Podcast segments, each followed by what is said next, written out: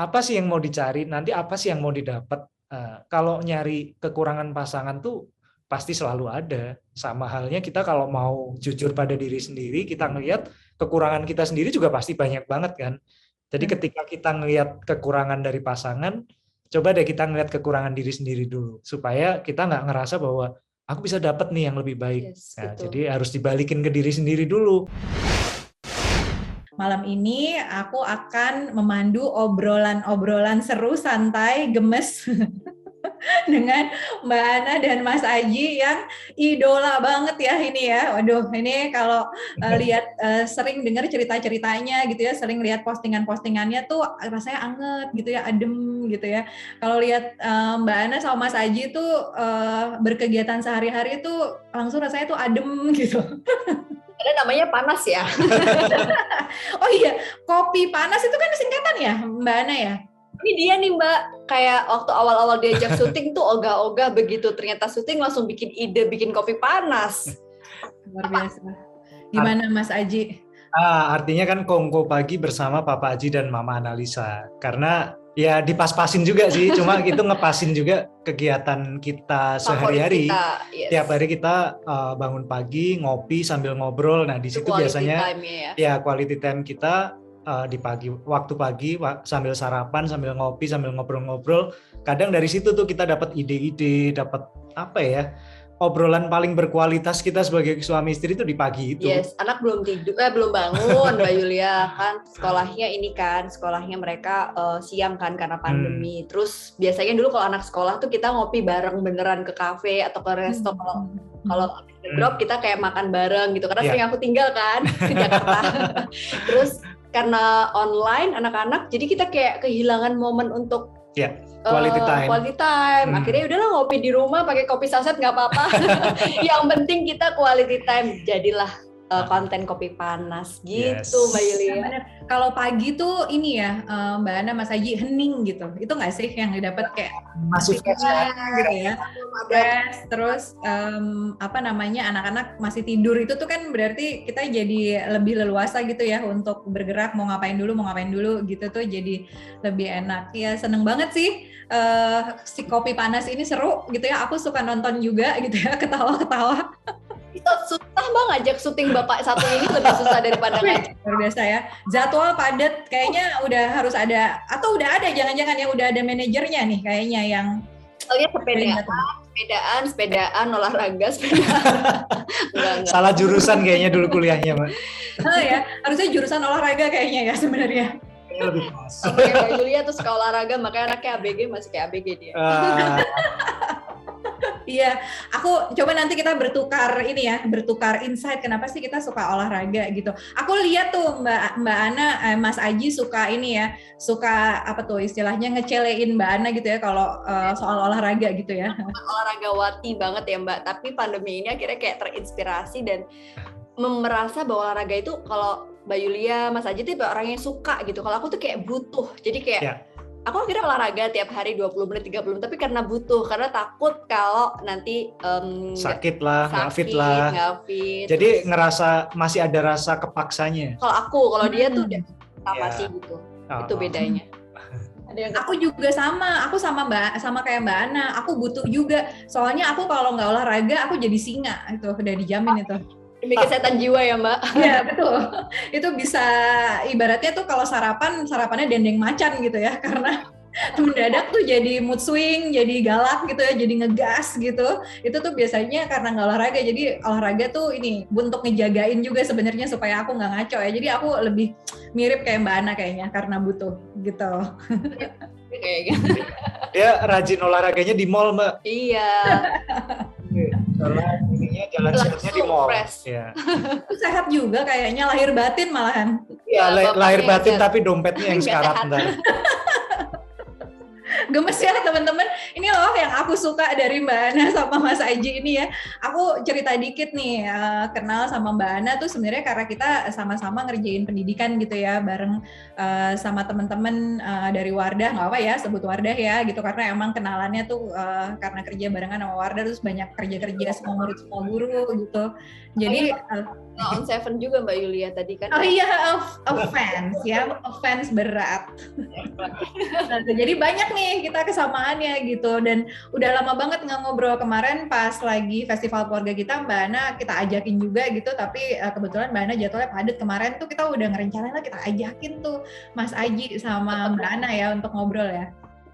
Iya, pas itu pas lagi padet banget, tapi alhamdulillah nih sekarang bisa ngobrol Mbak Yulia ya. Alhamdulillah. Nah, ini tuh sebenarnya kebetulan juga karena kan hari ini 12 November tuh hari ayah gitu. Nah, jadi ini mau mengucapkan selamat hari ayah nih buat Mas Aji dan teman-teman yang hadir di sini bapak-bapak ya, bapak-bapak apakah rame kalau dari namanya kayaknya ada nih ya. Ada nggak yang merasa uh, digeret? mungkin jangan digeret ya diajakin duduk uh, sebelah sama uh, pasangan gitu untuk sama istri untuk uh, sama-sama ikut uh, menyimak ya. Coba nanti ini kita pengen tahu nih ya perspektif uh, bapak-bapak uh, boleh banget kalau ada yang mau uh, sharing dan bertanya ya. Tapi uh, sebetulnya Mbak Ana Mas Haji kita tuh udah kumpulin pertanyaan waktu uh, teman-teman daftar. Dan kita udah janjiin nih uh, pertanyaan yang terpilih nanti bisa langsung join sama kita di layar sini gitu ya. Jadi teman-teman yang udah uh, submit uh, namanya kita nggak bisa bocorin dulu uh, siapa yang akan ikutan naik ke layar sini gitu. Jadi tungguin aja sampai uh, sesinya berjalan gitu ya. Nanti siapa yang bisa bertanya langsung gitu. Aku udah punya sih contekannya walaupun nanti aku harus buka dulu ya di mana itu contekan pertanyaannya tapi ada tuh ya yang sudah terpilih nah ini uh, sudah rame nah aku mau langsung aja nih ya bertanya nih ke Mbak Ana karena ini hari ayah, aku langsung mau nanya ke Mbak Ana dulu deh sekarang. Jadi apa yang paling mengagumkan dari Mas Aji? Aduh. Aku baru baca tornya last minute nih. Tadi tadi waktu JR kayak Gaya mana? Udah Mbak di handphone satunya. Oh iya iya. Jadi jujur ini improve banget sih ya uh, jawabannya tentang Mas Aji itu kalau dibilang kayak yang aku tulis kemarin Mbak dia bukan perfect husband sih kayak sering banget kita tuh beda gitu tipe yang beda banget lah kita berdua tapi kelebihan yang paling aku suka dia tuh bener-bener ayah yang baik buat anak-anak. Itu kayak aku ngerasa ya kayak dulu ninggalin anak-anak keluar kota gitu kan ke Jakarta.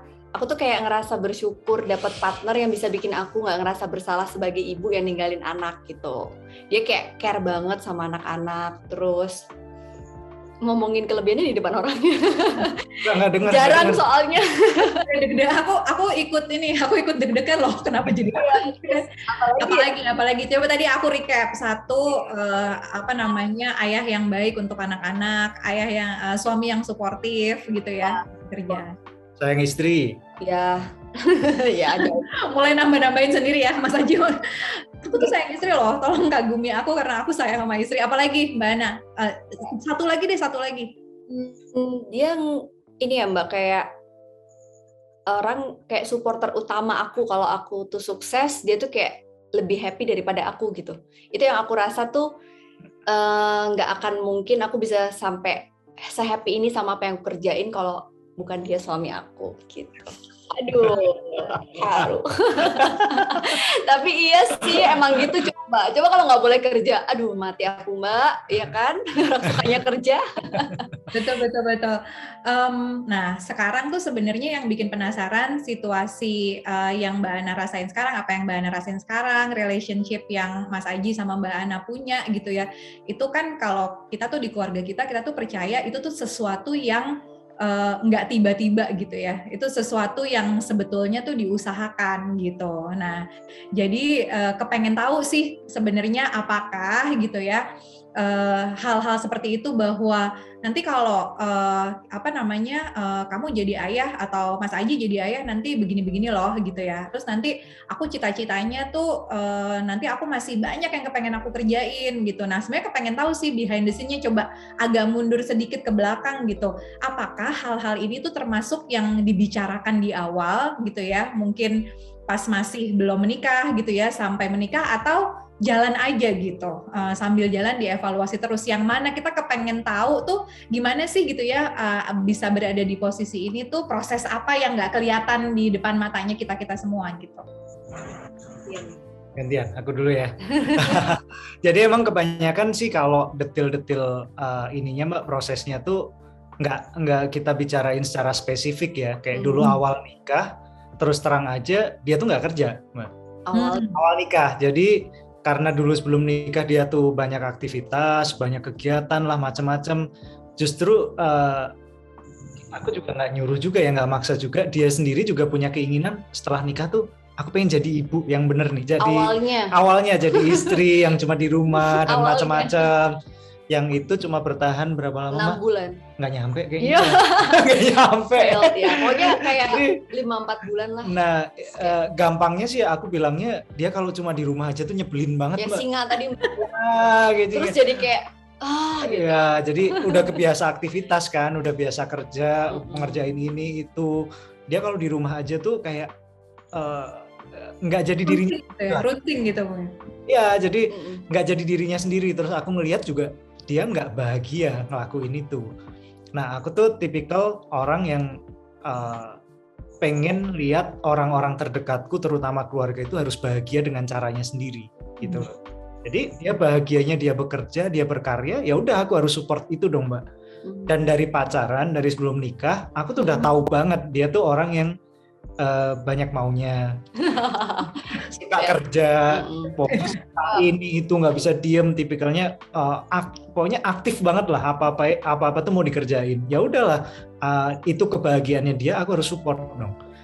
Uh, kalau aku membatasi di, di ruang geraknya dia membatasi aktivitas artinya kan aku makan kebahagiaannya dia. Aku nggak mau ngerubah seseorang ah, kayak gitu. Karena dari dulunya kayak gitu.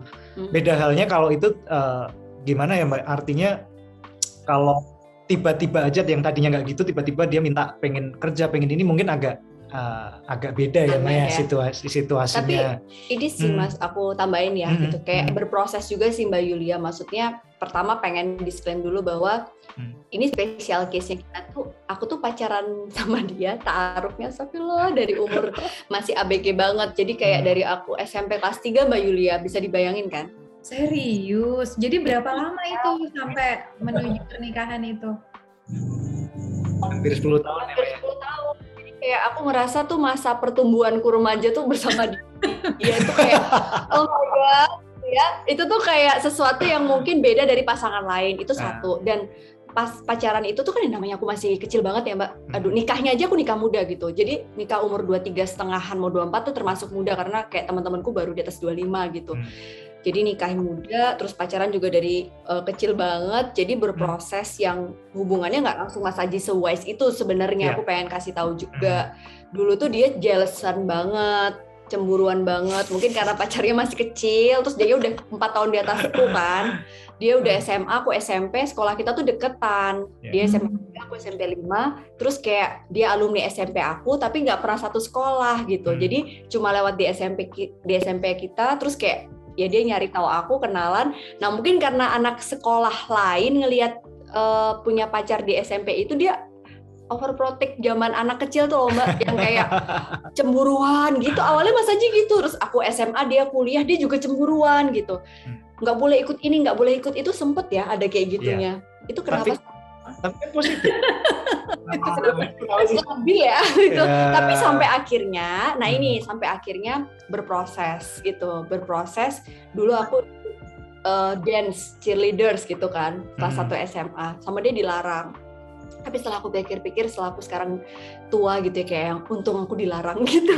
Dulu tuh berantem putus gitu. Tapi gara-gara dilarang cheerleaders akhirnya aku ikut ekskul lain mbak. Aku nurut. Aku tuh uh, apa sih ngeyel-ngeyel nurut gitu loh sama dia akhirnya aku nurut ikutan itu yang bikin gemes kayaknya ngeyel-ngeyel nurut itu loh. Nah, itu akhirnya bikin awet ya. Sampai sekarang juga nggak hilang sih kalau itu. Tapi itu dramanya udah habis. Ya? Iya, dinamikanya rumah tangga kan itu. Cuma bedanya kalau mau ribet kayak apa juga ntar malam tidur sebelahan lagi. Terus anaknya nongol, anaknya nongol kayak papa mama aku nggak boleh berantem di depan uh, anak dong gitu. Jadi kita akhirnya lupa. Itu yeah. sih iya. bedanya 10 uh. tahun pacaran dan 9 tahun nikah. Iya ya, intinya ya uh, berproses juga sih Mbak, tapi dari awal sih kita emang uh, tipikal orang yang punya punya perencanaan juga. Iya. Jadi kalau aku dari dulu sih tipikal orang yang punya perencanaan agak jauh ke depan hmm. gitu. Hmm. Nanti kita akan begini, akan begitu dan aku sampaikan lagi bahwa di awal dia nggak kerja di awal pernikahan kita dia nggak kerja itu nggak nggak aku nggak nyuruh hmm. itu aku nggak merencanakan. Jadi dari awal nikah tuh aku udah siap bahwa dia akan bekerja gitu loh. Karena itu kebahagiaannya dia. Nah aku mau merubah karena pernikahan aku merubah merampas kebahagiaannya dia. Nggak nggak mau kayak gitu. Jadi aku sendiri yang pengen jadi ibu di rumah aja nah, awalnya. awalnya.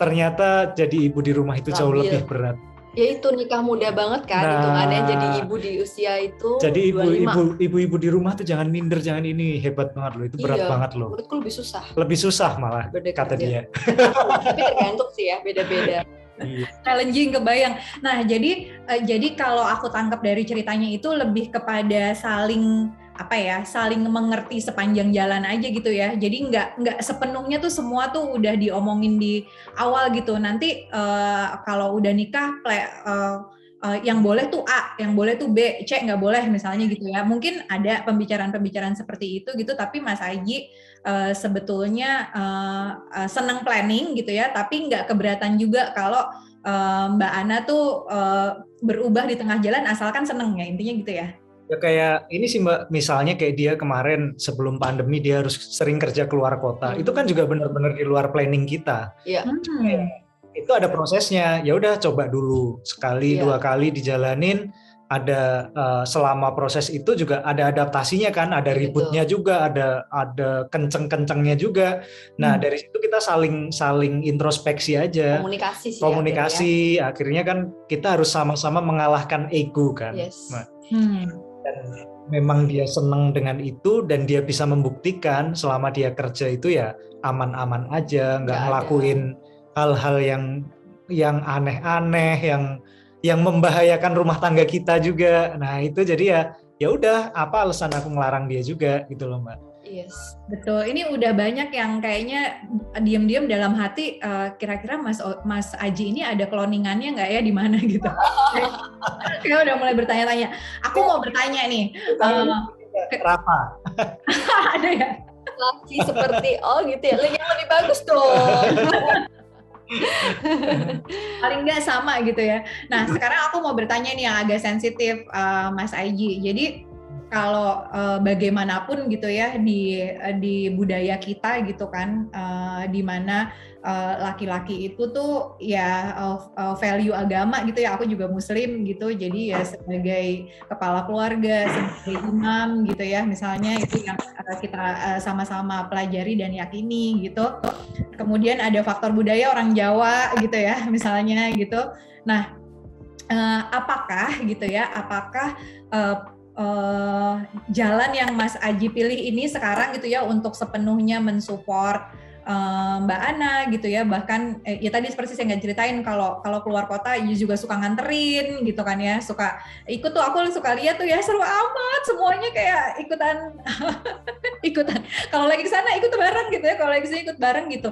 Itu tuh pernah nggak sih uh, apa ya uh, pernah nggak sih tersenggol egonya gitu ya? Itu mungkin sejenis itulah. Pernah nggak kayak gitu kayak ngerasa ah, aduh istriku kok uh, ngetop banget sih gitu ya. Atau uh, apa istriku ini banyak banget sih yang nyariin gitu. Um, apa namanya uh, ada nggak sih perasaan-perasaan seperti itu gitu? Uh, ego tersenggol itu gitu ya. Itu sebenarnya kepengen tahu juga sih kalau dari perspektif bapak-bapak tuh jujurly gitu ya honestly itu sebenarnya seperti apa sih uh, ngelihatnya gitu? Menarik. Jadi gini sih mbak. Kalau aku sih uh, pada prinsipnya uh, kita punya pemahaman yang sama nih bahwa memang uh, dalam rumah tangga itu uh, aku sih berpegang bahwa tidak selalu laki-laki itu ada di atas, tapi kita punya kodratnya masing-masing. Gitu. Tidak selalu laki-laki itu harus selalu uh, selalu benar dalam rumah tangga, selalu mengambil uh, pengambilan keputusan. Iya sih kepala rumah tangga kita harus uh, sebagai pengambil keputusan. Cuma uh, kita tuh selalu menyadari bahwa kita punya kodratnya masing-masing. Ya. Itu yang jadi pegangan kita. Jadi kalau aku sih lebih lebih menilai bahwa dalam berumah tangga suami istri itu partner, kita itu setara, equal, equal, setara. Itu prinsip yang kita pahami. Cuma ada kodratnya masing-masing. Contohnya ketika ada pertentangan suami istri, kita aku salut banget nih sama dia mau dia kayak apa juga. Ketika aku udah bilang iya, enggak, ya dia akan ngikutin walaupun sebelumnya mungkin ada adu argumen atau apa, tapi finalnya nggak belum pernah sekalipun uh, istriku ini ngelawan apa yang udah aku putusin. Hmm. Walaupun itu bertentangan sama pahamnya dia. Nah kalau ditanya pernah nggak sih ada iku uh, kesenggol nih kayak ini? Uh, sesekali pasti ada mbak. Cuma kembali lagi uh, karakter kita tuh beda banget hmm. mbak Yulia. Jadi kalau uh, istriku tuh lebih lebih terbuka kan. Jadi dia memang lebih gampang bergaul, lebih terbuka, lebih ya? ya lebih ekstrovert. Kalau aku tuh cenderung sebenarnya jujur banget nih, aku tuh lebih lebih susah bergaul mbak. Dia nggak suka tampil sebenarnya. Nah, nggak, aku sukanya di belakang layar, nggak suka tampil terus. Nyiapin lighting gini dia suka. Nah. utak-utik, utak-utik gitu ya, senang gitu ya. Kamera tuh dia suka. Uh, gitu. Jadi lebih geser sini dikit dong, oh, biar iya. di tengah. Nah, nah jadi uh, beda, kita karakternya beda. Jadi memang kita kayak dalam hal itu kayak saling melengkapi juga, mbak. Hmm. Terus kalau ditanya Kaget, saling melengkapi. Mbak Yulia tanya juga kan, istriku pergi-pergi, mungkin cemburu nggak ini itu. Hmm. Alhamdulillah sekarang nggak pernah mbak setelah dari iya. tahun kapan ya mbak? Kayaknya Malah sih, jadi kebalik, dia tuh yang cemburuan iya, banget sekarang. Aku baru mau bilang, jadi kayak pada tahap yang dulu waktu pacaran tuh dia cemburuan banget, tapi pas hmm. pada saat nikah itu justru kayak justru aku yang ngerasa kayak agak ada insecure-nya tuh Mbak Yulia nggak tahu aneh jadi pada yeah. saat ya orang lihat kamu ketemu uh, misalnya kayak uh, kolega itu kan nggak cuma cewek ya ada lawan hmm. jenis gitu-gitu hmm. itu mas aja nggak cemburu tuh misal kamu ketemu bos-bos gitu-gitu terus hmm um, enggak tuh nggak pernah karena memang nggak ada hubungan yang berlanjut gimana gitu loh after kerjaan dan aku hmm. selalu cerita sama dia terbuka sama dia nah gitu. itu juga mbak jadi hmm. kita tuh kebiasa uh, kalau ada apa ketemu siapa itu selalu cerita dia habis hmm. dari kerja, kerja dari mana itu selalu cerita bahkan ter, uh, kalau ada cowok yang agak aneh-aneh sama dia coba-coba inilah itulah dia cerita semua. gitu. cerita semuanya. Jadi jadi ada yang iya uh, uh, jadi nggak ada alasan sih buat aku buat cemburu juga. Yang kedua aku tuh uh, udahlah bahwa kayak sosokan banget nih. Pasrahin aja sama Allah. Artinya iya, aku tuh udah suaranya jauh nih kita harus lebih oh, dekat iya, iya. kayaknya iya.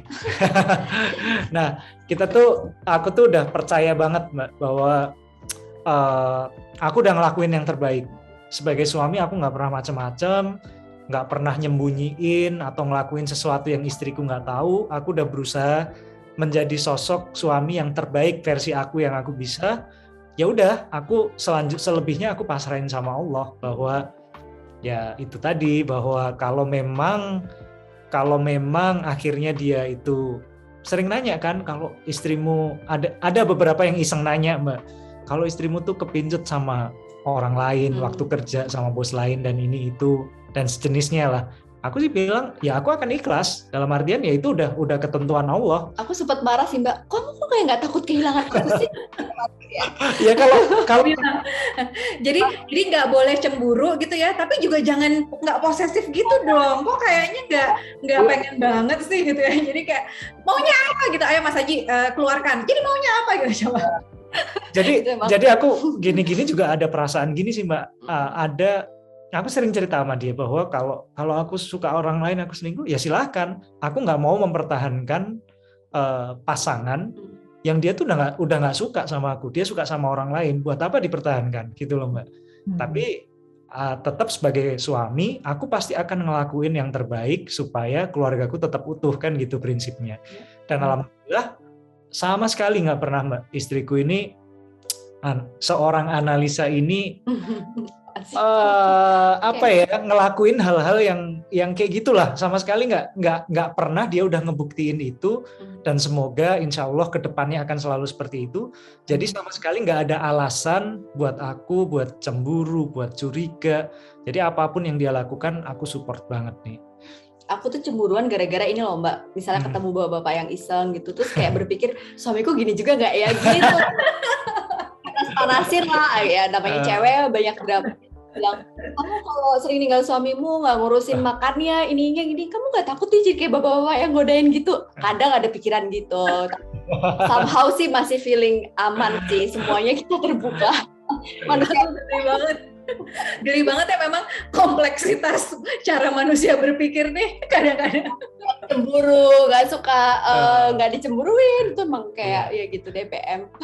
iya mbak. Jadi anu lah intinya kita uh, masing-masing tuh ngelakuin yang terbaik yang kita bisa. Yes. Selebihnya kita pasrahkan sama Allah dan kita ada prinsip nih. Kita sering share juga uh, di uh, di YouTube atau hmm, di Instagram ya bahwa uh, mau kita mau cari yang kayak apa lagi sih? Yeah. Sebaik apa pun orang lain, kita kan udah punya Rafa sama Nasya nih. Yeah, mau sebaik apa pun mereka, mereka tuh bukan orang tua dari aku selalu bilang dari gitu ya. anak kita loh. Misalnya aku ketemu cewek ini lebih wow, lebih cantik lah, lebih apa.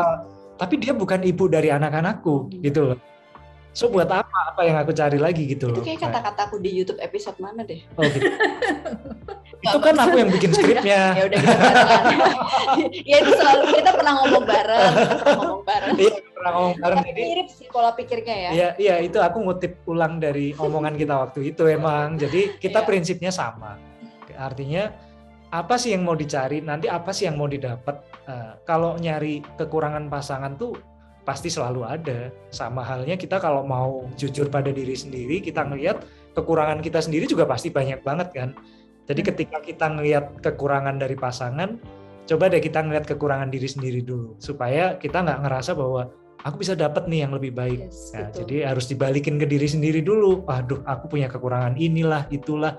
Jadi ya harus sama-sama lah. Proses pendewasaan juga ya Mbak ya. Yulia ya. Maksudnya betul aku yang hmm. lima hmm. tahun yang lalu, tiga tahun yang lalu, sepuluh tahun yang lalu kan yeah. berproses, ya. bertumbuh yeah. gitu. Jadi hmm. itu juga perlu disadari teman-teman nggak instan. Jadi tenang aja. Setiap keluarga punya cerita kata keluarga kita. Iya. aku jadi inget tuh ya aku uh, apa namanya sama aku kayak Mbak Ana gitu suka iseng uh, gangguin uh, suamiku gitu ya. Suamiku kan uh, umurnya 45, aku 42 nih. Aku hmm. bilang sama dia, "Ih, uh, apa namanya biasanya tuh justru yang uh, bapak-bapak gitu loh justru yang menarik gitu. Siapa yang mau sama om? Om kayak gini. Iya ya mbak ya itu suka. Ya, tahu deh Ibu suka jahil aja gitu ya mbak mbak Ana ya gitu. Aku juga alhamdulillah aku sih ngelihatnya uh, tadi gitu ya uh, uh, relasinya mbak Ana sama Mas Aji itu rezeki ya. Kalau aku biasanya bilangnya tuh karena rezeki itu kan uh, bukan cuman uh, materi gitu ya, tapi rezeki itu juga relationship yang membahagiakan gitu ya. Terus saling ngelegain hati satu sama lain gitu ya, bukan saling memberatkan gitu ya. Itu kan sebenarnya tuh uh, rezeki juga gitu. Nah, uh, nyambung ya Mbak, ini uh, pasti teman-teman di sini aduh kapan nih giliran kita yang nanya nih ya kok Mbak Yulia mulu yang nanya gitu ya. Satu lagi aku satu lagi aja udah. Habis nah. itu teman-teman yang nanya.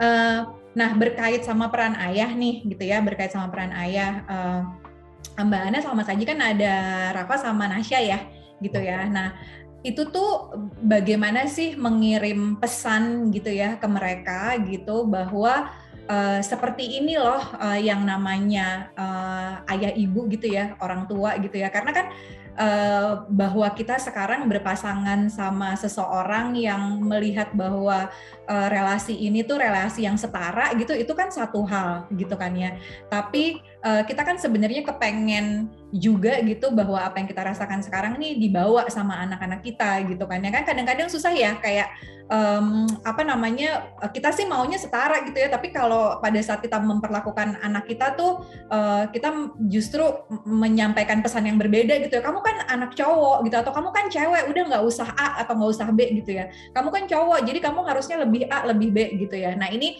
kalau hmm, Mbak Ana sama Mas Aji gitu ya ini tuh dalam rangka supaya nih anak-anak kita gitu ya baik laki-laki maupun perempuan tuh juga nanti ke depannya uh, eh, punya value yang sama gitu ya bahwa keterlibatan ayah dalam uh, kepengasuhan gitu ya terus uh, uh, bahwa ayah dan ibu itu berpartner saling mendukung gitu ya itu kan pesan penting yang perlu kita deliver ke anak-anak. Nah kalau sekarang nih uh, Mas Aji sama Mbak Ana uh, sudut pandangnya soal itu gimana? Hmm. Kamu dulu mah. Aku ya. Hmm kita tuh baru banget posting di YouTube kita juga Mbak kemarin gara-gara ngebahas bahwa banyak berita duka yang mendadak gitu ya Mbak, misalnya Vanessa Angel, kita langsung bayangin, lu hmm. nggak siap ya gitu-gitu, terus hmm. apa yang mau kita tinggalin ke anak ya gitu, terus hmm. kemarin ada mantan pemain NBA ya yang dia cerita itu si Shaq bilang kalau dia nggak mau kasih uang buat anak, terus kita jadi mikir, oh, hmm. apa yang mau kita kasih ya, yang tadi Mbak Yulia sampaikan itu sebenarnya adalah hal yang pengen kita wariskan ke mereka yaitu value gitu. Jadi bagaimana value yang dia pegang ketika dia menjadi perempuan, menjadi laki-laki ketika nanti dia dewasa. Kita tuh pengen banget sekarang berperan um, sebaik mungkin walaupun nggak ada orang tua yang sempurna, tapi kayak aku pribadi kayak pengen menunjukkan kepada mereka tentang bagaimana perempuan nantinya dan seorang ibu dan seorang istri. Itu kayak hmm. satu hal yang aku pengen warisan ke mereka gitu, Mbak. Hmm. Bagaimana ibu dan istri ini uh, wanita yang punya mimpi dan karir dia menjadi pribadi seutuhnya yang bahagia tapi juga tetap hormat sama suaminya dan sayang sama anaknya. Itu emang klise dan susah gitu ya untuk hmm. bisa mewujudkan. Tapi kan uh, ya I will try my best untuk itu dan itu legacy aku gitu. Itu iya. yang pengen kita kasih. Begitu juga Mas Haji. Iya nambah dikit nih Mbak. Jadi uh, kita tuh kan sering dengar ini ya dengar quotes ya. Biar mm. aku baca sih dari luar sih bahwa anak itu uh, tidak akan menjalankan apa yang kita omongin, hmm. tapi akan meniru apa yang kita lakukan. Yeah. Nah, itu walaupun mereka dari kecil, kita tuh selalu berusaha di depan mereka itu nunjukin bahwa kita uh, berusaha jadi sosok terbaik sebagai guru terbaik, sebagai contoh terbaik buat anak-anak. Jadi di hadapan mereka kita memang memang berusaha selalu menjadi orang baik, Mbak. Hmm. Bukan untuk dipuji, bukan untuk hmm. apa, tapi memberikan contoh, contoh. ke anak-anak dengan perilaku yang real. Nah, yang kedua, kita juga sering ngajakin ngobrol ke anak-anak itu, walaupun mereka belum ngerti, Mbak, kita tuh sering ngomongin hmm. bahwa uh, biasanya menjelang tidur ya, quality time kita sama anak-anak tuh waktu nemenin mereka tidur, kita ngajak ngobrol. Caca, Rafa besok gede mau jadi apa? Ntar dia cerita ya. Ya, cerita. Bahkan uh, pertanyaanku kadang usil banget nih mbak. Mungkin dimarahin sama bu psikolog. Cak besok kalau udah gede nyari suaminya kayak apa? Sering aku tanyain gitu anak umur segitu. Iya. dan jawabannya lucu polos. Dan aku sih percaya banget ya mbak. Uh, kita ngomongin sesuatu yang uh, kelihatannya serius walaupun anak-anak ini kayaknya belum ngerti aku sih percaya banget itu akan akan emang iya keserap dulu keserap gitu, gitu kan. loh jadi kayak hmm. kayak doktrinasi kan bahasa ininya yes. nah itu sering kita bilang Caca besok harus uh, punya sesuatu yang bisa uh, dilakukan hmm. harus bermanfaat buat orang lain itu udah kita kayak ya, apa ya ibaratnya didoktrin dari kecil didoktrin ibaratnya dari masuk kecil. di storage-nya entah nanti dia dewasa pasti dia akan ingat itu gitu iya hmm. dan aku nambahin dikit sih mbak ini nyambung ke pertanyaan hmm. sebelumnya tentang uh, relationship aku hmm. sama istri ya jadi aku bersyukur banget juga bahwa aku tuh punya mertua yang luar biasa mbak orang tuanya hmm. anak tuh uh, top banget lah sebagai orang tua nah jadi uh, sering dulu waktu kita sering ada beda pendapat, ribut apa-apa, biasanya orang tua tuh pasti akan belain mat mati-matian anaknya nih. Nah, aku yang disalahin. Nah, ini padahal anak cewek satu-satunya yang ya inilah artinya tahu kan Mbak punya anak cewek satu-satunya kayak apa, deket banget. Itu tiap ada masalah pasti malah orang tuanya itu selalu ngingetin bahwa eh hey, itu suamimu loh. Iya. Apa pun yang dibilang kamu harus ikutin terus apa selalu sudut pandangnya seperti itu nah artinya orang tua tuh sangat berpengaruh dalam Betul. nanti ke depan anak seperti apa keluarga besar ya ya keluarga besar orang tua terutama kan. value kan. itu ya jadi itu value utamanya ya ke bawah juga nggak sih kayak tadi kelebihan Mas Haji apa satu satunya adalah family man dan itu aku melihat banget hmm. bapak dia tuh family man banget mbak tadi barusan hmm. datang nih oke kita agak off lama kameranya jadi sangat family man banget kita tuh di dikasih awal nikah tuh kayak rumah ini tuh deket depan kakak ipar aku terus ini mertuaku jadi memang tipe yang kayak keluarganya tuh uh, deket gitu. Anak-anaknya cowok ya, hangat gitu ya? Anaknya cowok tiga semua uh, tiga cowok semua. Udah malam. Dong dong. Uh, cowok itu tuh kayak beneran kayak bisa sedekat itu. Karena bapaknya tuh tipe yang kayak dia banget sih menurut yeah. aku jadi tuh pengasuhan tuh apa namanya perilaku tuh diturunkan gitu ya Mbak Ana. Jadi kayak kita mencontohkan apa ya itu nanti yang uh, akan diambil gitu ya. Jadi bukan apa yang kita kasih kayak bukan wejangannya bukan nasihatnya gitu yang diambil sama anak-anak tapi justru apa yang dilihat uh, sehari-hari ya. Aku sesungguhnya tuh juga baru nyadar gitu ya bahwa uh, yang namanya penting gitu berbagi peran gitu ya uh, apa namanya setara nih dalam hal apa ya saling menghormati sih sebenarnya gitu ya. Jadi uh, ya sebagai perempuan tentunya aku kalau uh, mau ngapa-ngapain aku izin suamiku gitu kan ya gitu dan suamiku yang memutuskan sama kayak Mbak Ana sama Mas Haji tadi. Tapi sebenarnya sebaliknya kalau suamiku butuh pertimbangan gitu ya, terus mau memutuskan sesuatu tuh juga uh, ngobrol uh, sama kita gitu kan ya. Jadi sebenarnya tuh kesetaraannya tuh lebih kepada saling menghargai dan menghormati sih gitu ya, bukan uh, apa ya justru yang satu tuh uh, apa ngerasa lebih superior gitu ya atau yang satu jadi kayak ngerasa lebih ya aku kan uh, cuma istri ya udah aku nurut aja gitu ya tapi uh, lebih setara dalam bisa saling memberikan masukan gitu ya. Nah ini aku kayaknya udah harus banget nih kasih kesempatan bertanya gawat nih nanti kalau enggak nggak menepati janji. Oke siap. Nah aku langsung aja ke Mbak Faridatul Adiah datang nggak nih malam ini? Mbak Faridatul Adiah. Uh, Teman-teman di uh, di backstage boleh bantu kalau ada boleh dibuka kameranya dan masuk ke layar. Silahkan kita tunggu ya. Mungkin sambil uh, aku bacain uh, pertanyaannya. Uh, sambil nunggu ketemu gitu ya sekali lagi aku panggil Mbak Faridatul Adiah ini sih nggak ada lokasinya dari mana tapi namanya tersebut bagaimana supaya hubungan pernikahan tetap hangat meskipun sudah punya anak. Karena kadang fokus dengan anak akhirnya lupa kepentingan pasangan dengan dalih sibuk dengan anak. Oke, ini banyak sih yang punya tantangan yang sama gitu ya. Kayaknya uh, apa namanya nggak kepegang gitu ya, uh, nggak nggak nggak ya sulit gitu untuk menjaga uh, hubungan sama suami gitu karena ya masih megangin anak gimana Mbak Ana sama Mas Aji? Apa dulu nih? Ladies Um, aku rasa tadi ya quality time itu penting ya. Jangan pernah lupa bahwa setelah menikah itu kita tetap punya identity sebagai diri dan sebagai pasangan, bukan hanya sebagai ayah dan ibu. Karena anak itu akan merasa bahagia. Nah ini dia Mbak Farida ya. Hai Mbak. iya Mbak Ana, Mas Haji. Nah, mau disampaikan Mbak Farida langsung atau gimana Mbak Yulia? Atau langsung? Boleh, boleh Mbak Ana mungkin respon dulu, nanti Mbak Farida uh, ya. sambung lagi ya pertanyaan lanjutan ya. Iya Mbak Farida, tadi aku udah jawab ya Mbak bahwa sebenarnya aku percaya kalau um, apa ya kualitas itu penting sih untuk menjaga kehangatan rumah tangga karena uh, ya namanya hubungan itu jangan sama pasangan gitu ya sama itu pasti ada yang namanya kebosanan, berarti kan ketemu terus gitu yeah. kan. Terus yang kadang lupa karena rutinitas kita sebagai ayah dan ibu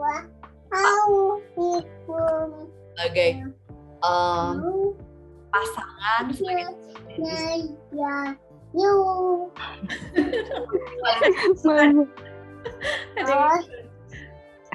Oke, okay. mungkin pas lagi Mbak Ana share, aku mute dulu ya Mbak Farida ya. Aku izin. Oh iya iya iya. Nanti nanti bisa unmute lagi. Silakan Mbak Ana. Ya, jadi kayak um, quality time itu tuh adalah sesuatu yang bikin kita jadi makin hangat karena percaya bahwa anak itu akan merasakan bahagia dari orang tua yang bahagia. Nah, orang tua yang bahagia tuh yang seperti apa? Yang yang bahagia dengan pasangannya, gitu sih. Jadi hmm. Uh, banyak banget sih risetnya kalau di psikologi sendiri kayak bagaimana relasinya dengan uh, kematangan emosi anak di usia dewasa, kalau orang tuanya hangat, terus ayah juga terlibat gitu. Jadi kenapa aku pengen banget di kolaborasi bareng keluarga kita tuh karena sering banget yang uh, kalau aku misalnya cuma IG story nih Mbak Yulia ya kayak mbak suami aku tuh nggak bisa kayak Mas Aji gitu kayak aku makanya tadi bilang eh ya rezeki ya memang orang beda-beda tapi sebenarnya coba dilihat lagi uh, bahasa komunikasi pasangan itu kan nggak semuanya harus hangat gitu kita yang kayak harus mengupayakan hmm. komunikasinya di sebelah mana jangan-jangan bahasa cinta dia bukan karena seekspresif eh, ini jangan gitu. salah loh ya, kita juga nggak romantis loh kalau komunikasi panggilan itu gak, sayang nggak ada sampai sekarang kamu dari dulu sampai gitu sekarang nggak ya. ada terus bukan tipe yang kayak menje menje lenje itu aku bukan yang gitu juga gitu jadi masing-masing pasangan tuh punya punya caranya masing-masing dan itu yeah. harus dicari mbak dengan quality time itu hmm. gitu sih kalau kamu Ya kalau dari aku sih nambahin uh, intinya setuju ya semua yang disampaikan uh, kalau aku sih nambahin bahwa uh, apa ya jadi yang pasti jangan pernah lupa bahwa kita itu sebagai suami istri dan keharmonisan itu keharmonisan suami istri itu sangat berpengaruh bagi anak. Ya prinsipnya sama sih, cuma kalau aku realnya bahwa keharmonisan itu kebutuhan kita loh. Bahagianya, bahagianya kita. kita. Jadi hubungan baik kita sama pasangan itu kebutuhan kita yang wajib untuk diupayakan. Yes. Jadi itu harus Kadang harus nurunin ego. Ya, kita harus nurunin ego satu sama lain. Waktu waktu pasangan capek kita harus tahu gimana caranya hmm. uh, caranya untuk uh, berkomunikasi. Gak usah nunggu kode-kodean ya. Gak usah kode-kodean, gak usah uh, gak usah malu, gak usah merasa tabu bahwa semua harus dikomunikasikan. Kalau yes. kita itu kan merasa bahwa sering nanya nih kok bisa keluarganya kayak gini kayak gitu. Sebenarnya kunci utamanya kita sering sampein, kita tuh komunikasi mbak intinya. Marah-marah, ribut-ribut, udah-udah gitu loh mbak Yuli. Mau kita. nyampein apa, seaneh apa pun. Kadang pokoknya, ada level ekstrimnya juga yang hmm. sarkas itu juga pernah uh, gitu. Jadi kita tuh udah. Iya apa-apa sampein, apa-apa walaupun pahit, walaupun hmm. apa, walaupun malu, walaupun apa pun itu sampaikan. Jadi kita udah ngebiasain pola itu dan yang kedua kita nggak pernah uh, nutupin apa pun ya mbak. Mungkin teman-teman udah tahu ya. Kita tuh yang namanya pas, uh, password, password handphone tuh udah sama. Hmm. Password kita tuh sama. Password sosmed apa kita tuh satu sama lain sama nggak ada yang banking semuanya gitu. Nah semua sama. udah kebuka. Gitu. Jadi kita jadi, kayak udah nggak perlu takut. Iya. Jadi pada intinya adalah kembali lagi bahwa komunikasi. Jadi terbuka uh, dan menyampaikan membiasakan untuk terbuka dan menyampaikan sesuatu dengan apa adanya itu termasuk salah satu yang menurut kita mungkin nggak nggak nggak semua keluarga bisa sama ya. Jadi menurut kita itu salah satu yang membuat kita bisa tetap kayak sekarang. Suaminya gitu. diajak nggak Mbak Farida? oh di unmute Oh masih ya? mute ya. Ah udah di uh, silakan di unmute Mbak Farida. Iya uh, kebetulan suaminya lagi di luar. Oh, tahu password handphone suaminya kan Mbak tapi? Alhamdulillah tahu sih. Alhamdulillah tahu. bercanda, bercanda. Ya, semoga semoga habis ini bisa ketemu ya Mbak celah-celahnya. Iya. Titipin aku mau nambahin dikit boleh nggak yang ini? Boleh, boleh karena, banget. Karena kebetulan tadi pagi juga uh, ngisi webinar juga ada yang nanya kalau kita tuh bingung uh, ngurus anak apa ngurus suami, terus gimana ya milihnya gitu. Nah ini aku mau bereferensi pada uh, sebuah talk show, mungkin nanti teman-teman bisa cari ya di YouTube. Waktu itu Bu uh, Bu Fatmawati istrinya Pak Kurai Shihab di interview gitu ya, di interview bareng sama Kak Nana ya, Kak Najwa Shihab sama Mbak Ella, Mbak Najila Shihab. Itu lucu pertanyaannya usil sih. Jadi kalau uh, apa namanya uh, di, sedang di persimpangan ngurus anak ngurus suami gimana gitu ya. Nah itu jawabannya uh, pilih ngurus suami. Soalnya kalau anak bisa dititipin kalau suami enggak. Bener banget. Bener banget. Soalnya bener. kita itu termasuk yang dulu awal-awal ini ya mas. Kalau uh. orang lihat tuh umur 2 tahun ya. Uh. Nasi sama Rafa itu pernah kita tinggal kita ke Turki ya Ah iya benar Terus kayak ah. diajak bapak ibunya kan terus kayak uh, ke Turki tapi ditinggal ya karena nemenin orang tua gitu. Jadi yeah. akhirnya 11 hari tuh mbak. Hari pertama nangis hari kedua nangis. Ya kayak waktu ke London itu mbak Julia gitu. Terus hari terakhir terakhir dah ah, lupa loh nangis udah mau pulang gitu. Mohon maaf ya itu manusiawi. Tapi begitu ketemu sama anak ya happy lagi. Jadi yeah. ternyata scars gitu kita rasanya. Iya itu uh, kita ingat waktu itu memang fase-fase uh, capek-capeknya. Capek-capeknya kita sebagai orang tua mbak dan kita benar, merasa perlu. Jadi iya. kadang kalau dipikir tega banget sih ninggalin anak, tega ini. Uh, kita berpikir bahwa dengan kita melakukan ini, hmm. insya Allah hubungan kita kan makin hangat, baik. makin baik otomatis nanti anak akan ngerasain ya, sisi positifnya juga dengan catatan waktu itu kita ninggalin karena ya. support sistemnya memungkinkan Kayak mbak dititipin ke mama uh, ke papa mamahnya dia dititipin dan Ditip. memang bisa jagain full time di Ada rumah mbak gitu ya. jadi kita nggak perlu khawatir lah di tangan orang hmm. yang memang kita percaya gitu ya. hmm. jadi seperti ya. Itu jadi memang buat teman-teman yang saat ini lagi ngerasa, duh kok, terutama kalau punya anak balita ya, aku juga inget nih dulu waktu anak-anak kecil gitu ya, pengen bendera putih gitu ya, rasanya kayak, ada ini tahu loh kita mbak anaknya tuh.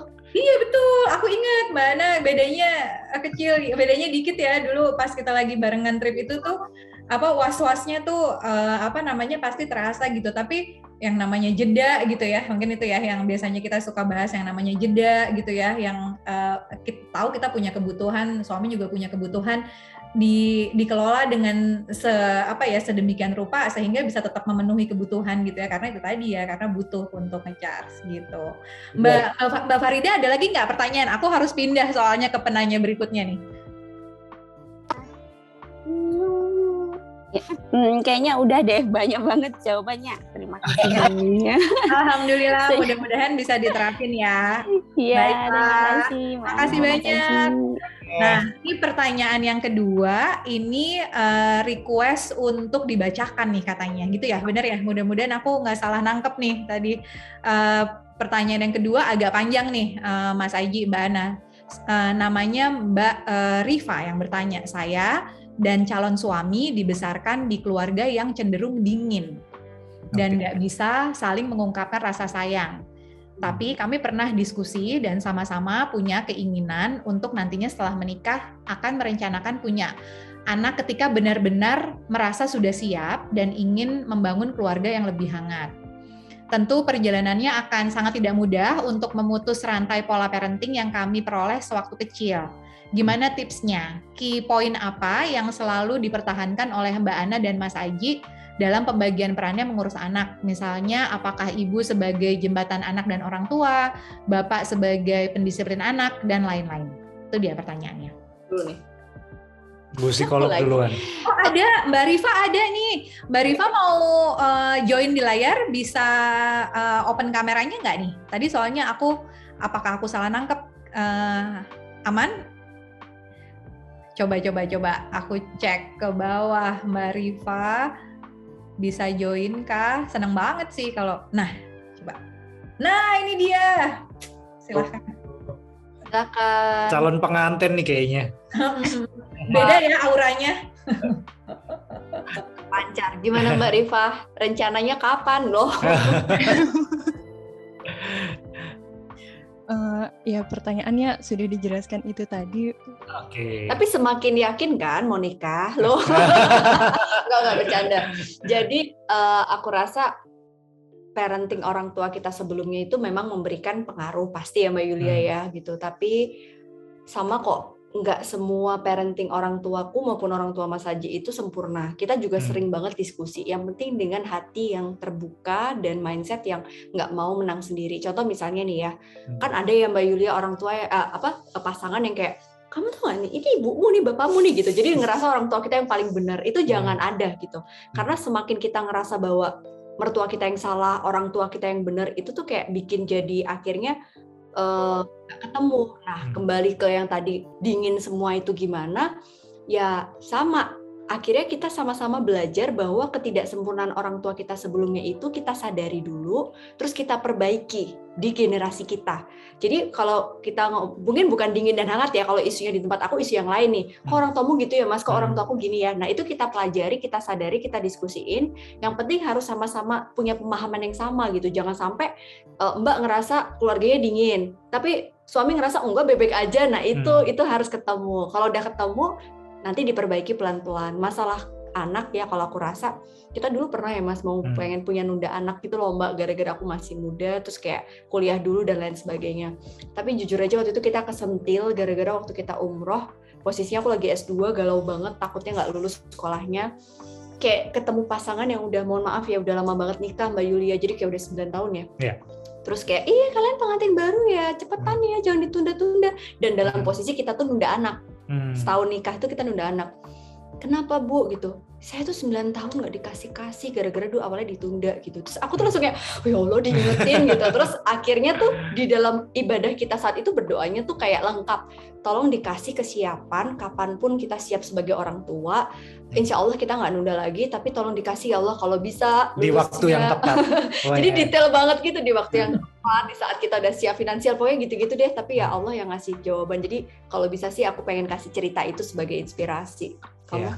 Kalau dari aku sih uh, pertanyaan pertama masalah kehangatan tadi, mm-hmm. menurutku sih dengan Mbak Riva dan calon pasangan itu udah menyadari itu, udah punya keinginan itu udah starting point yang bagus, bagus banget, bagus yes. banget. Artinya antara Mbak Riva dengan calon suami itu udah ada kesepahaman nih. Dan aku pengen kasih contoh juga dari beberapa temen, ada saudara juga yang justru uh, anak itu beda banget sama orang tuanya, iya, ya kan, Mbak? Benar, kita sering jadi dia, analisis gitu ya. Nah, uh, jadi karena dia ingin memperbaiki apa yang dia nggak dapat ketika dia uh, menjadi anak, yes. gitu. Jadi dia nggak, misalnya kayak Mbak Riva nih, keluarganya dingin, uh, kita nggak bilang itu sesuatu yang negatif ya, tapi lebih ke style yang ini uh, Mbak Riva tuh pengen dirubah. Ya udah, berarti bisa jadi nanti Mbak Riva tuh punya keluarga yang sangat hangat karena sebenarnya dari dulu pengen keluarga pengen hangat. keluarga yang hangat yang yang yang inilah yang modelnya ekspresif. ekspresif dan ini. Dan itu sangat mungkin mbak. Betul. Ya starting pointnya tadi aku bilang udah udah bagus banget. Antara suami uh, antara mbak Riva dan calon suami itu udah ada kesepahaman kan tinggal nanti gimana eksekusinya aja uh, setelah menikah dan adjustment juga sih ya mbak hmm. kayak waktu gitu juga kayak hmm. saling menyesuaikan nanti mungkin nggak langsung tiba-tiba dipencet tombol jadi hangat juga enggak ya. gitu tapi artinya perlu ada penyesuaian-penyesuaian gitu sih ya. mungkin kalau udah sepaham tinggal dijalanin bareng insya Allah mbak kalau udah niat insya Allah insya Allah banget uh, insya Allah pasti bakalan bisa lah yakin yes. semangat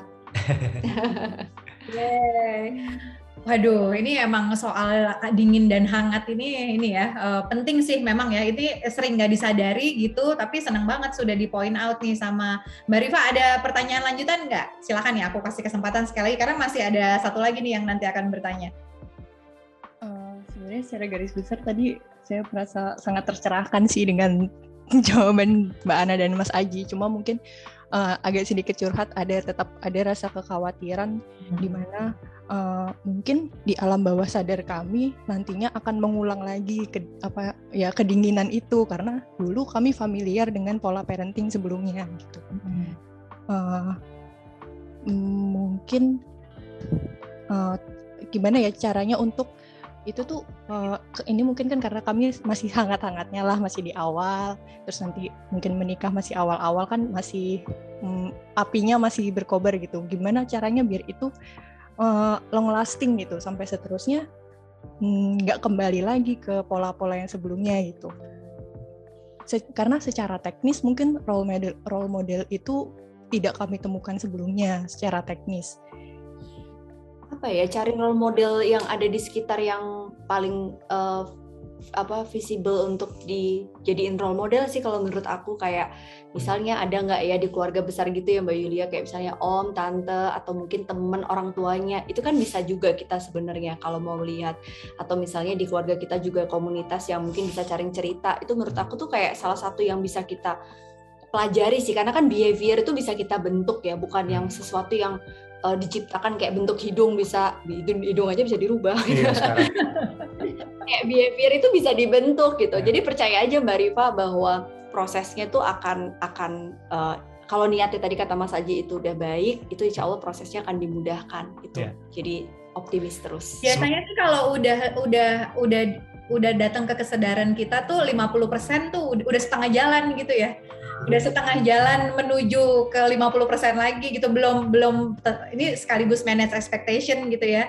Uh, tapi kalau udah nyadar tuh biasanya udah 50% kalau lebih gawat kan kalau nggak tahu sama sekali nggak tahu ada masalah apa gitu ya. Nah itu masih lama tuh biasanya nemunya. Tapi kalau udah sadar jangan terlalu banyak khawatir kayaknya Mbak Rifa justru. Kayak tadi Mbak Rifa kan membahasakan kalau di awal-awal mungkin masih apinya masih membara nih masih hmm. ini nah tinggal dicari gimana caranya mbak supaya itu tetap membara terus. Nah, itu ada kalau kita, Mas Aji sama Mbak Ana gimana supaya tetap membara terus coba? Supaya malah mungkin biar apinya tambah gede nih. Iya, nah, iya. coba gimana biar tambah gede apinya? Bensin kayak apa gitu kan jadi Itu tuh ini hal yang ini ya kayak aku malah justru setelah jilbaban ini tuh kayak tiba-tiba sering banget ganti potong rambut, apa ganti potongan rambut, hmm. warna rambut, bukan buat orang lain juga gak kelihatan gitu ya, tapi hmm. ya itu tadi buat kayak ada chemistry baru gitu itu salah hmm. satunya terus dia suka olahraga juga terus yeah. aku sebenarnya kan nggak terlalu suka mbak tapi akhirnya aku coba deh ada aktivitas bareng apa ya yaudah aku ikut hmm. sepedaan walaupun bawel gitu kan aku nyimak itu bawelnya ada yang diupayakan gitu yeah. loh Mbak Yulia memang kayak bener. Semuanya tuh serangkaian yang diusahakan sih. Itu kayaknya pelajaran terbesarnya ya. Ini kerasa nih Mbak Ana sama Mas Aji sekian tahun gitu ya. Aku nih juga udah termasuk old married couple kayaknya ya. Ini udah 17 tahun.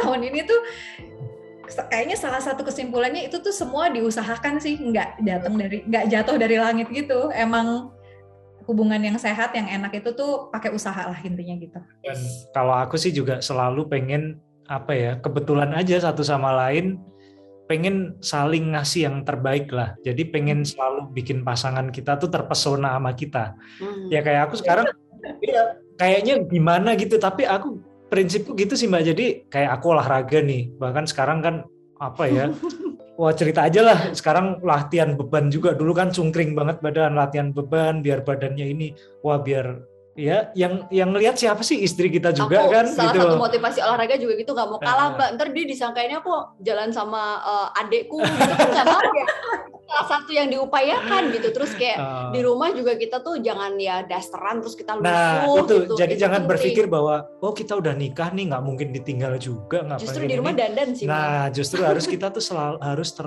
selalu terlihat menarik, wow, di wangi. Pasangan. Aku kalau mau tidur tuh, mau tidur aja loh. Justru ini saat oh, iya, mbak. suamiku gitu. Itu dia dia kalau mau tidur tuh pakai parfumnya mungkin setengah liter dia pakai.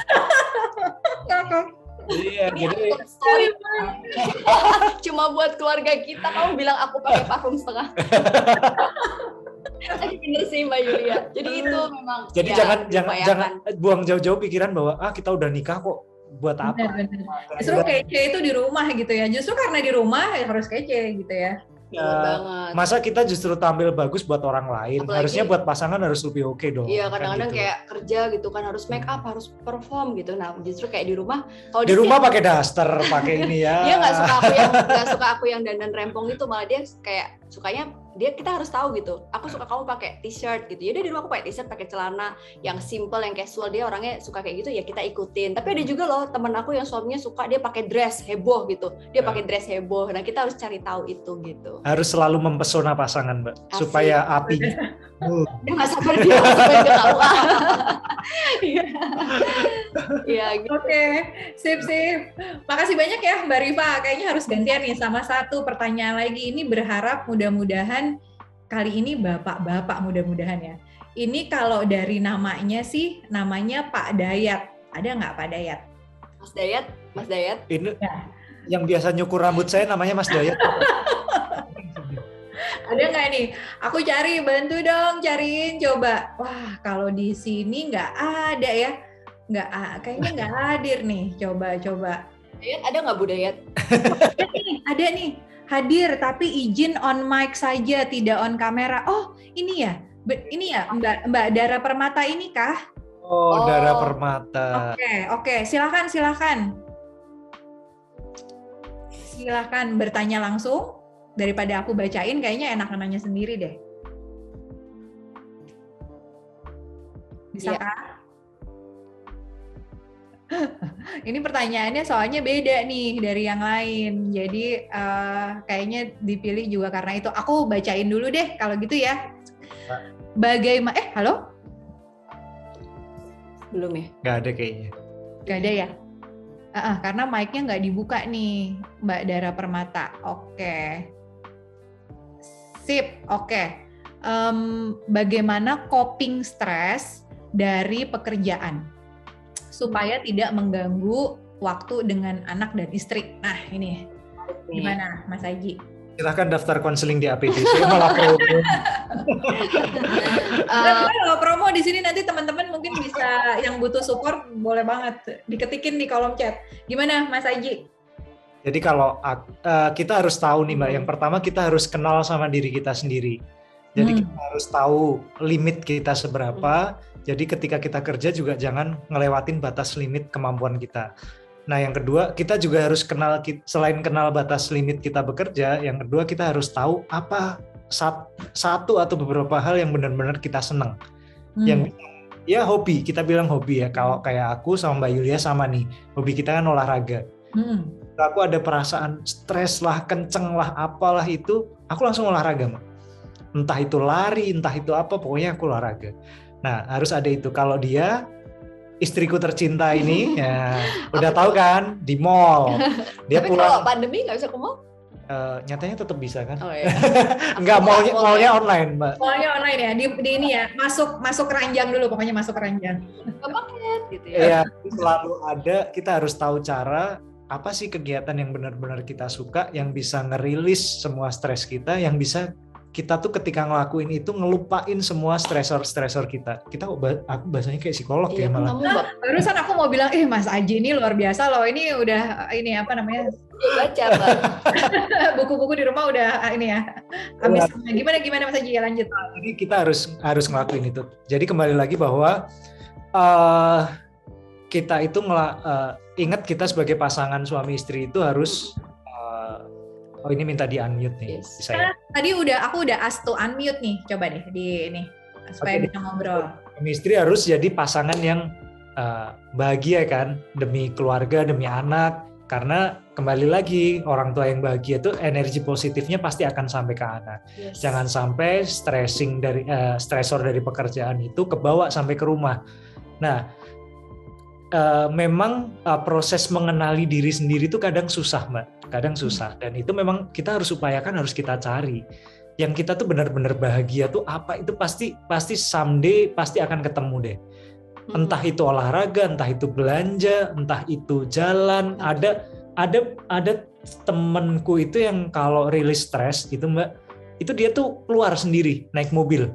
Cuma hmm. muter aja. Ke mana? Adalah takutnya nanti jemput gitu ya. Jemput Mas Aji deg-degan ya kan Mbak dia pamitnya cuma keluar mobil ternyata mampir ke mana juga nggak ngerti sih. Tapi ada mereka punya cara-cara sendiri. Cuma ingat bahwa energi positif akan sampai ke semua keluarga kita. Begitu juga energi negatif. Jadi jangan sampai hmm. energi negatif itu tersalur ke keluarga kita terutama ke anak-anak Nah ini bu psikolog nambahin deh. Um, sama sih, jadi kayak apalagi hmm. kerjaan kita tuh kan bidangnya beda banget ya. Dia hukum, aku hmm. psikologi hmm. dan sebenarnya kerjaannya sama-sama tension dan cukup stressful yeah. gitu. Karena kita hmm. sama-sama wira swasta Mbak uh, Yulia. Jadi hmm. kalau kita lihat tuh um, tadi hobi udah, terus kayak kalau aku nambahin lebih ke asertif gitu. Jadi setelah kita aware apa yang kita sadari, share ke pasangan, aku lagi stres banget nih mas gitu. Yeah. Atau dia biasanya kayak cerita gitu. Kadang-kadang hmm. aku diceritain kasus hukum kasus hukum gitu aku kayak mendengarkan gitu. Hmm. walaupun sebenarnya aku nggak ngerti tapi dia rilis gitu. Dan hmm. sebaliknya kadang-kadang dia nggak ngerti soal psikologi. Ternyata ngerti juga ya di sini ya. Nah. udah bisa nih kayaknya sama. Berarti ini tambahan lagi nih. Kita harus jadi pendengar yang baik buat pasangan. Ya itu. Buat uh, biar stres kerjaan nggak habis gimana ya kalau di kantor? Kadang-kadang mungkin kalau yang kerja di perusahaan orang hmm. tuh mas itu kan kayak kadang ketemu atasan ketemu bawahan. Aku rasa tuh lebih under pressure ya. Dah uh, benar juga. Jadi Eh, kembali ke itu tadi, mm-hmm. ini ini ini agak belok dikit nih mbak.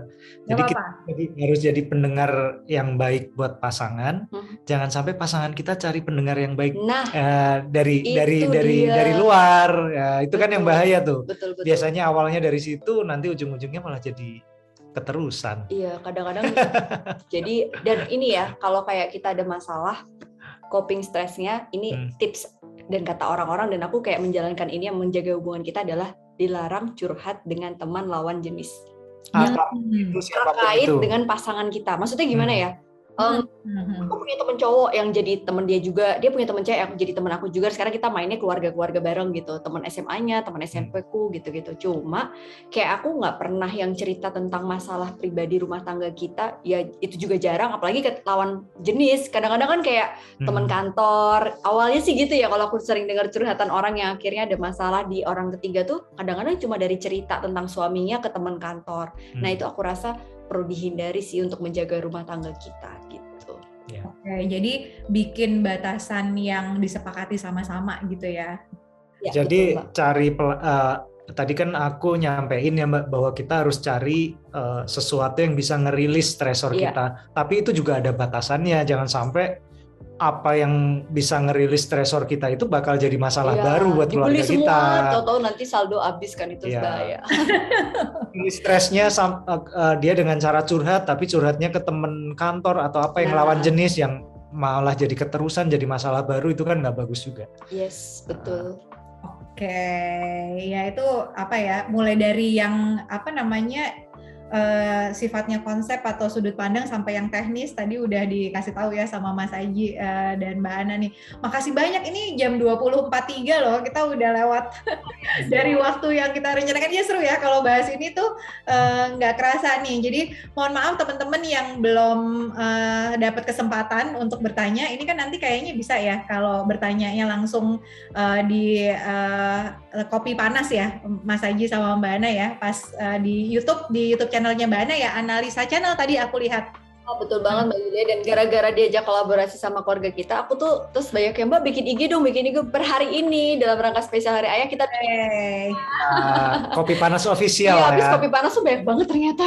Jadi aku tambahin official sosok sosok kopi panas. Kayaknya teman-teman yang bisa kebantu nih dengan uh, cerita-ceritanya Mas Haji sama Mbak Ana. Jadi makasih banyak banget sudah uh, mau hadir di setiap rumah punya cerita. Ini juga cerita sedikit ya Mbak. Ini tuh sebenarnya juga uh, salah satu format ngobrol-ngobrolnya di keluarga kita yang kita terusin tadinya tuh awalnya tuh ide-ide eh kayaknya seru ya ngobrol-ngobrol aja gitu nggak usah kelas gitu ya karena kan biasanya kalau di keluarga kita ini kita serius ya pelatihan kelas workshop gitu ya kayaknya kepengen juga nih yang ngobrol-ngobrol aja tapi teman-teman tuh bisa uh, nanya langsung gitu. Nah jadi nanti tungguin ya setiap rumah punya cerita yang berikutnya. Plus Mas Aji sama Mbak Ana please nanti kalau diajak-ajak lagi mudah-mudahan bersedia ya buat cerita-cerita. Iya, pokoknya uh, kita sih berdua tuh kayak apa ya kalau dipikir-pikir kopi panas ini ya beneran pengen kasih sesuatu yang ya apa mas? pengalaman pribadi sih. Tapi disclaimer juga nih mbak. Jadi kita tuh kembali lagi bukan keluarga yang sempurna, sempurna. masih banyak kurangnya. Pengalaman masih berumah belajar. tangga juga belum lama-lama banget. Masih belajar. Tapi kita mencoba aja uh, sharing uh, apa yang bisa kita bagikan. Apa yang dianggap positif, apa yang bagus silahkan diambil, apa yang nggak sesuai, apa yang dirasa nggak bagus, ya ditinggalin aja.